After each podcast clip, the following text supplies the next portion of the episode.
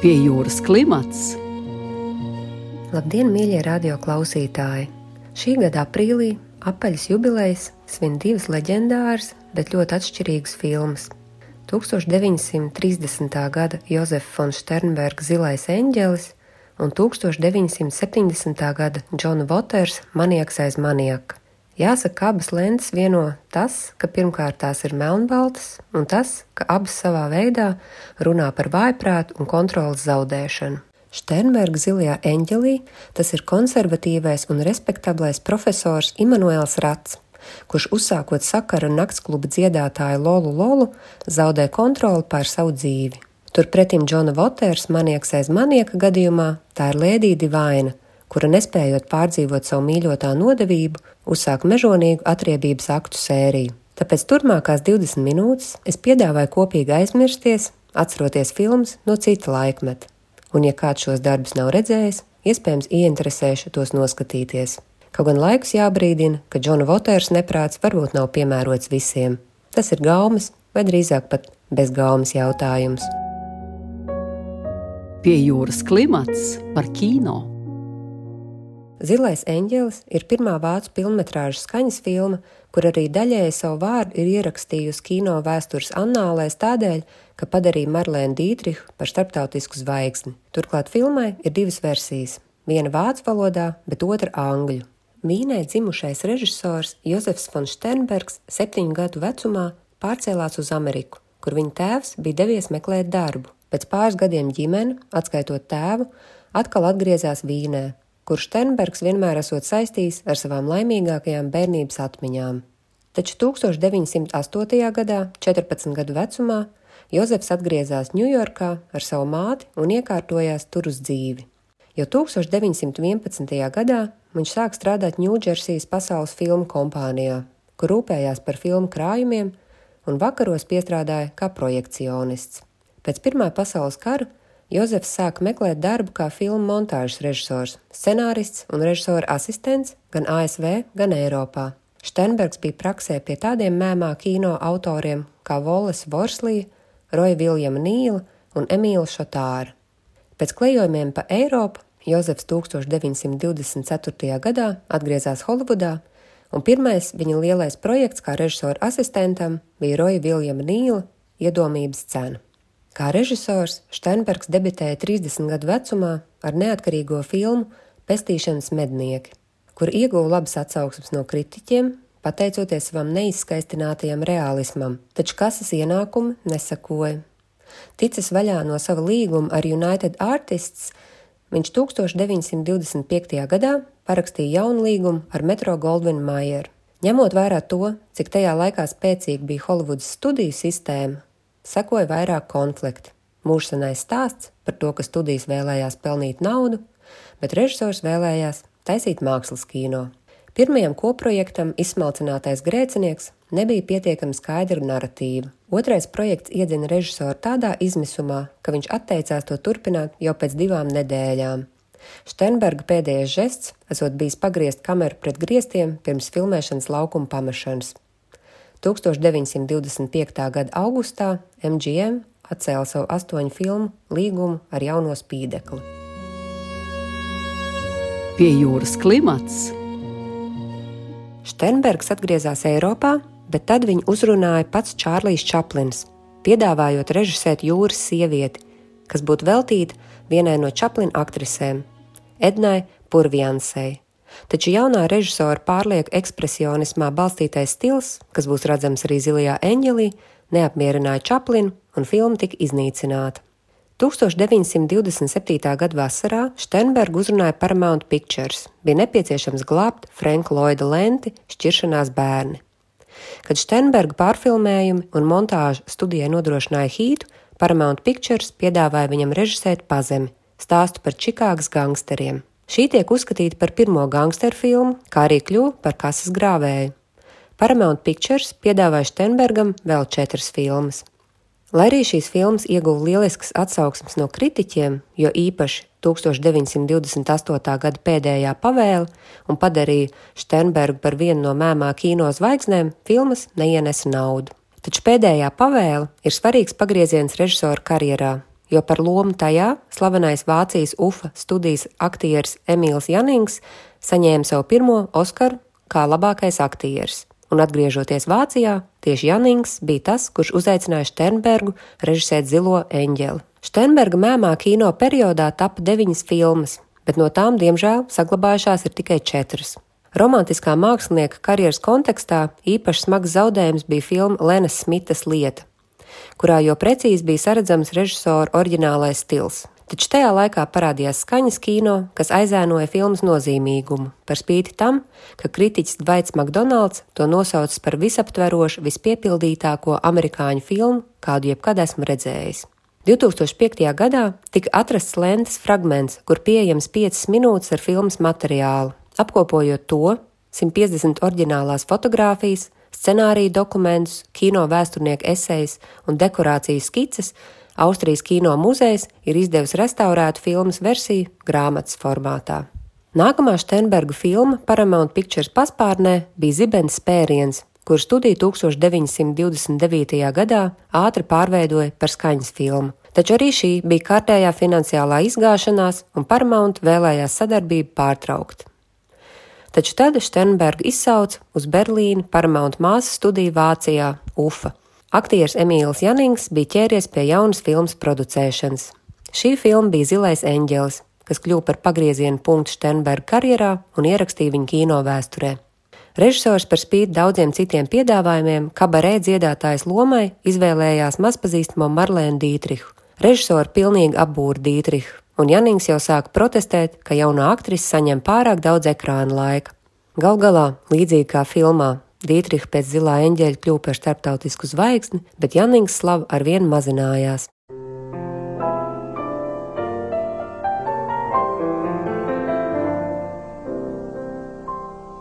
Falling in love again, never wanted to. What am I to do? I can't help it. Love's always been my game, play it how I may. I was made that way, I can't help it. Men cluster to me like moths around a flame, and if their wings burn, I know I'm not to blame. falling in love again. Never wanted to.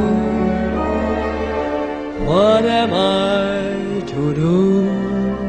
I can't help it.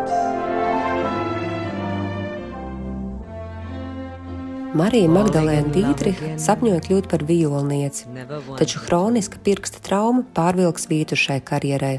Tā nu 11 gadu vecumā Viņa nomainīja vārdu uz Marlēnu un nolēma pievērsties aktieru meistarībai un mācījās pie paša Maksa Reinharta.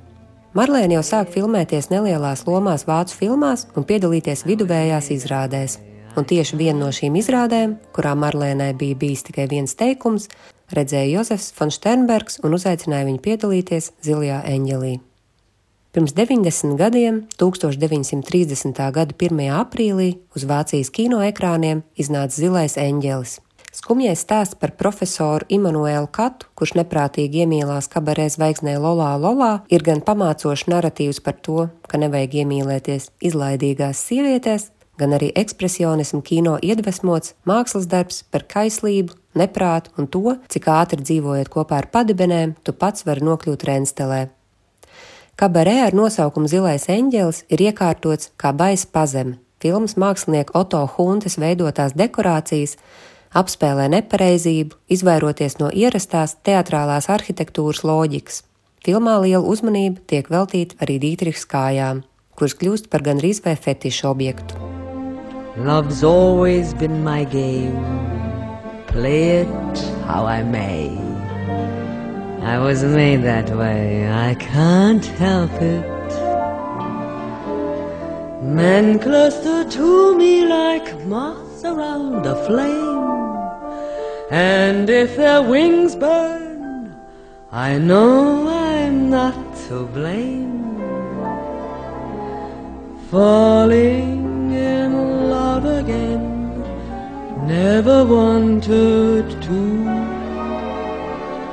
What am I to do? I can't help it.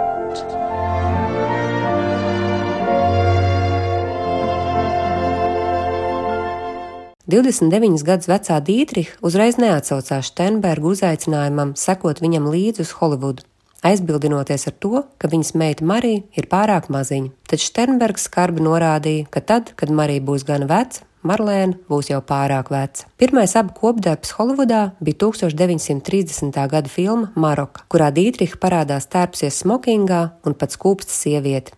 Filma bija hīts un nodrošināja Dītrihai viņas vienīgo nomināciju Oskaram. Steinbergs un Dītrihs sadarbojās pie septiņām filmām. Ne visas bija veiksmīgas, bet Marlēna viņu vienmēr uzskatīja par savu režisoru un arī skolotāju. Steinbergs turpretim ļāva Dītrihai ar viņu sēdēt montāžas telpā. Pati aktrise lieliski pārzināja gaismošanu un to, kādās gaismās viņa izskatās vislabāk. Pieaugot nacistu ietekmei, Vācija aktīvi lēca Dītrihu, cenšoties viņu atvilināt atpakaļ uz Fāterlandi. Taču Marlēna bija pārliecināta nacistu nīdēji un lielties gaidīja, kad saņems ASV pilsonību, lai varētu uzmācīgos tautiešus atraidīt. Turklāt Dītriha aizgāja pat tik tālu, ka bija izdomājis plānu, kā savaldzināt un nogalināt Adolfu Hitleru. Tiesa viņas draugs viņu atrunāja, norādot, ka tas varētu izrādīties liktenīgi Marlēnas ģimenei, kas joprojām dzīvoja Vācijā. 1939. gadā Marlēna Dītriha ieguva ASV pilsonību un tika pasludināta par tēvzemes nodevēju. Pēc 1941. gada, kad ASV iesaistījās Otrajā pasaules karā, Marlēna Dītriha devās tūrē, lai izklaidētu karavīrus, dzīvojot kopā ar viņiem, cīnoties ar slimībām un dienā uzstājoties četras reizes. Turklāt Dītriha arī palīdzēja ASV armijai, dodoties runāt ar vācu kargūstekņiem, kur bieži vien arī labprāt uzticējās slavenajai aktrisei, kur runāja ar viņiem vācu valodā. Kad ASV valdība uzsāka tā saucamo mūzika projektu, lai ar mūzikas propagandas palīdzību pārliecinātu ienaidnieku karaspēkus, ka viņi cīnās nepareizajā pusē. 1944. gadā Dītrihs iedziedāja slaveno vācu dziesmu Lilija Marlēna. Nacisti centās šo dziesmu aizliegt, taču tā bija tik populāra karavīru vidū, ka šāds lēmums draudēja ar dūmpi.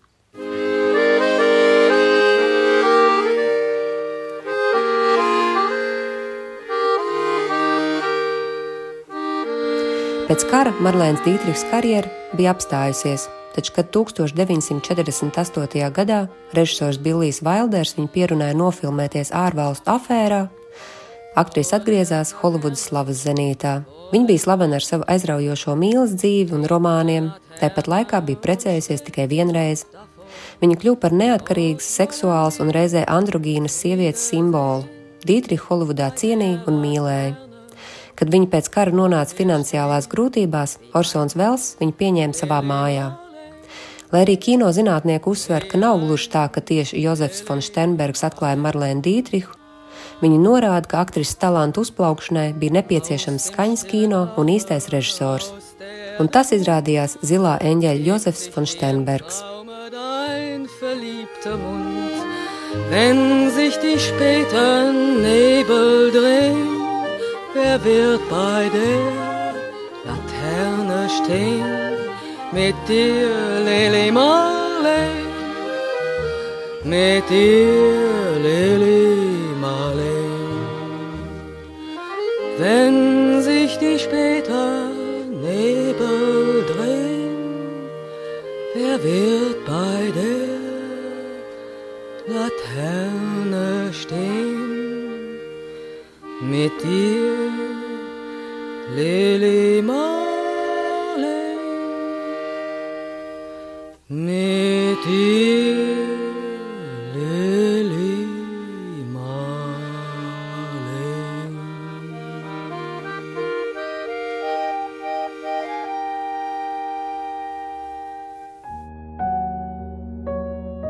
Pie jūras klimats par kino. 10. aprīlī savu 50. jubileju svin kulta režisora un treša pāvesta Džona Votersa filma Maniaks aiz maniaka. Turklāt 22. aprīlī pašam Votersam aprit 74 gadi. Baltimorā dzimušais Džons Samuels Waters juniors jau puikas gados iedraudzējās ar Glenu Milstedu, kas vēlāk kļuva par slavenāko režisoru aktrisi Lēdiju Divainu. Holivuds 1953. gada filma Lilija iedvesmoja septiņgadīgo Džonu, un viņš aizrāvās ar leļu teātri. Un vēl viens spēcīgs iedvesmas avots topošiem režisoram bija 1939. gada filma Oza pilsētas burvis.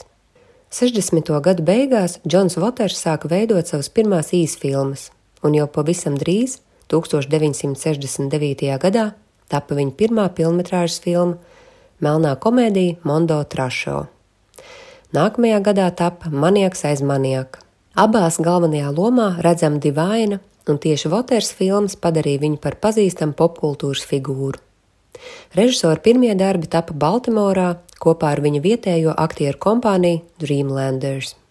Džona Voters karjeras sākumu raksturo apzināts kemps un bezgaumība, pārspīlēti tēli un neloģiski dialogi, un režisoram bija svarīgi izaicināt cenzūru un nojaukt robežu starp to, ko drīkst un ko nedrīkst rādīt uz kino ekrāniem. Taču 80. gados režisors jau pietuvojās pamatstraumas kino, 1981. gada filma Poliesters uz ekrāna saved kopā Divainu un 50. 60. gadu tīņu elku Tebu Hunteru, kurš bija bijis viens no kandidātiem Tonija lomai 1961. gada mūziklā Vestsaidas stāsts.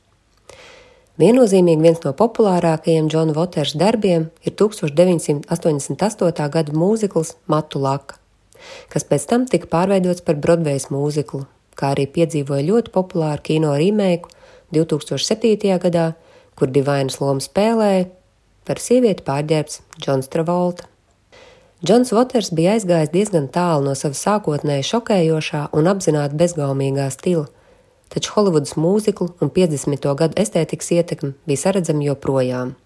Arī viņa nākamajā mūziklā, 1990. gada filmā Raudulis ar Džoniju Depu galvenajā lomā, kur savā ziņā atgādina savdabīgu Voters stila parafrāzi par populāro mūziklu Breolīns. Lai arī Raudulis par spīti tam, ka šī bija pirmā režisora filma, par kuru studijas uzsāka savstarpēju cīņu, nebija tāds kas grāvējs kā Matulaka, tā ir kļuvusi par kultu filmu. Turklāt arī šī lente tika pārveidota par Broadway mūziklu. Filma Maniaks aiz maniaka, kas bija Voters pirmā skaņas filma, šokē ar daudz ko. Tā savā ziņā esot veltījums Heršela Gordona Luisa 1964. gada šausmu filmai 2000 maniaku un stāsta par frīkšovu kompāniju, kuras priekšgalā ir divaina, karaliene, kas valda pār dažādiem dīvainiem, narkomāniem un fetišistiem taču, kad divainas mīļotais sāk viņu krāpt ar džīnai Hārlovai līdzīgu blondīnu, viņa nolemj atriepties, un divainas atriebība ir baisa, asiņaina un vardarbīga. Lai neatņemtu pārsteigumu tiem, kuriem vēl nav bijusi tā laime šo filmu redzēt, teikšu tikai to, ka tajā ir redzams gan Prāgas Jēzus mazulis, gan milzīgs omārs, gan ļoti izteiksmīga seksuāla aina baznīcā. Kad Votersam vaicāja, kā šī aina tika filmēta, viņš atceras, ka kādam no draugiem bijis pazīstams mācītājs, kurš atļāvis filmēt savā baznīcā. Protams, viņam netika atklāts, kas tieši tiks filmēts. Režisors mācītāju arī uzaicinājis uz filmas pirmizrādi un jūties ļoti vainīgs, jo mācītājs esot apraudājies. Pats Džons Voters, manieks aiz manieka, uzskata par treniņu savai nākamajai filmai Rozā Flamingo. Lai arī filma esot par gāru un par skaļu, Tajā Voters esot atradis savu rokrakstu, izsmejot tā laika hipiju dzīves stilu un idejas. 2016. gadā arthouse filmu izplatītāji Jānus Films, kas ir izplatījuši piemēram arī Ingmar Bergman filmas, kopā ar The Criterion Collection sazinājās ar Džonu Votersu, paziņojot, ka vēlas restaurēt un no jauna izplatīt manieks aiz manieka. Režisors atzina, ka nesot zinājis, cik iespaidīgu restaurācijas darbu tagad ir iespējams veikt ar kinolentēm. Kad viņam esot vaicājuši, vai viņš vēloties visu saglabāt tieši tādu, kāds tas ir, ar visām kļūdām, Voters esot atbildējis: Vai jūs jokojat? Man tur nav nevienas speciāli domātas kļūdas. Es negribu, lai redz švīkas, es negribu netīrums uz lēcas. Lieciet, lai izskatās labi. Taču noskatījies restaurēto versiju, Džons Voters joko, ka tagad tā izskatoties kā slikta Džona Kasavītis filma. Džons Voters joprojām turpina drosmīgi izteikties pret liekulību, kritizējot politiķus un vēršot nesaudzīgu spoguli pret sabiedrību. Taču viņš vairs nav uzņēmis filmas kopš 2004. gada lentes Netīrais kauns. Kad viņam tika vaicāts, kāpēc tā, Voters atbild: Man ir bijuši trīs attīstīšanas projektu filmām, kuras nekad nenotika. Pēdējās divas filmas, kuras es uzņēmu, nenopelnīja naudu. Tā tas vienmēr ir bijis - skaidri un gaiši, simt procenti. Es to pieņemu. Holivuda pret mani ir bijusi pilnīgi godīga.